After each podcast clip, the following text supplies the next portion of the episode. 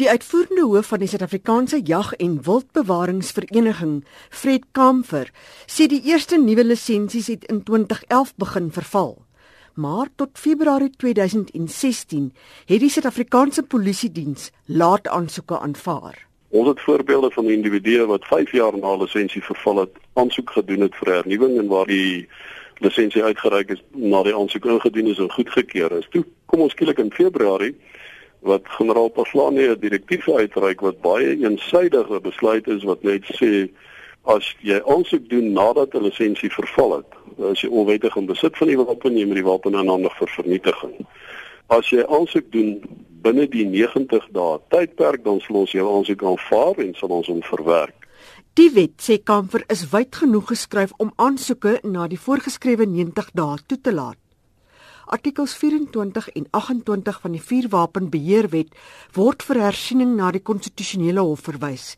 Dan moet die parlement binne 18 maande die wet wysig om aan die grondwet te voldoen. Alle vuurwapenlisensies wat verval het, is wettig tot die beslissing.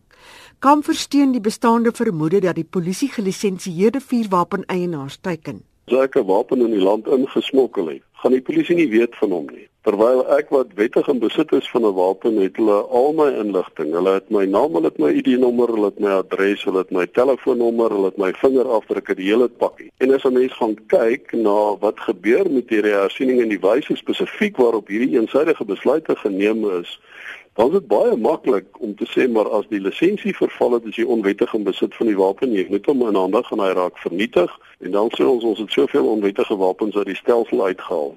Volgens Kamfer is dit behalwe die twee amnestieperiodes waarin onwettige wapens ingehandig kon word. Die amnestievoorwaardes het telkens gesê die wapen sal ballisties getoets word en as dit met 'n misdaad verbind word, dan gaan jy aangekla word van die misdaad. Jy gaan nie aangekla word vir die onwettige besit van die wapen nie, maar vir die misdaad wat met die wapen gepleeg is. In beide hierdie gevalle is daar massiewe getalle wapens ingehandig by die polisie. Hulle is ballisties getoets. In nie een van hierdie gevalle is daar 'n wapen verbind met misdaad wat gepleeg is nie. So dis mense soos ek en jy wat net nie lus gehad vir die pyn en lyding om deur hierdie oefening te gaan om die wapen wettig te besit nie wat hom gaan inhandig het. Hy sê die nasionale adjunkkommissaris van die polisie het Mei in die parlement bevestig dat geen misdadigers 'n wapen in die amnestietydperk ingehandig het nie. Intussen het die leier van die Vryheidsfront Plus, Dr Pieter Groenewald, positief gereageer op die uitspraak. Daar moet ook natuurlik kennis geneem word dat die staat uit sy pad uitgaan om vuurwapen eienaars wat wettig hulle vuurwapens besit om hulle te ontmoedig om vuurwapens te besit.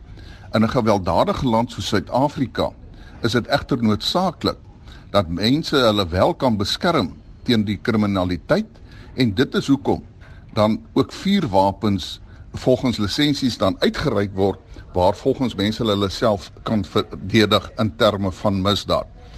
Dit was die leier van die Vryheidsfront Plus, Pieter Groenewald. Mitsi van der Merwe, SAK nuus.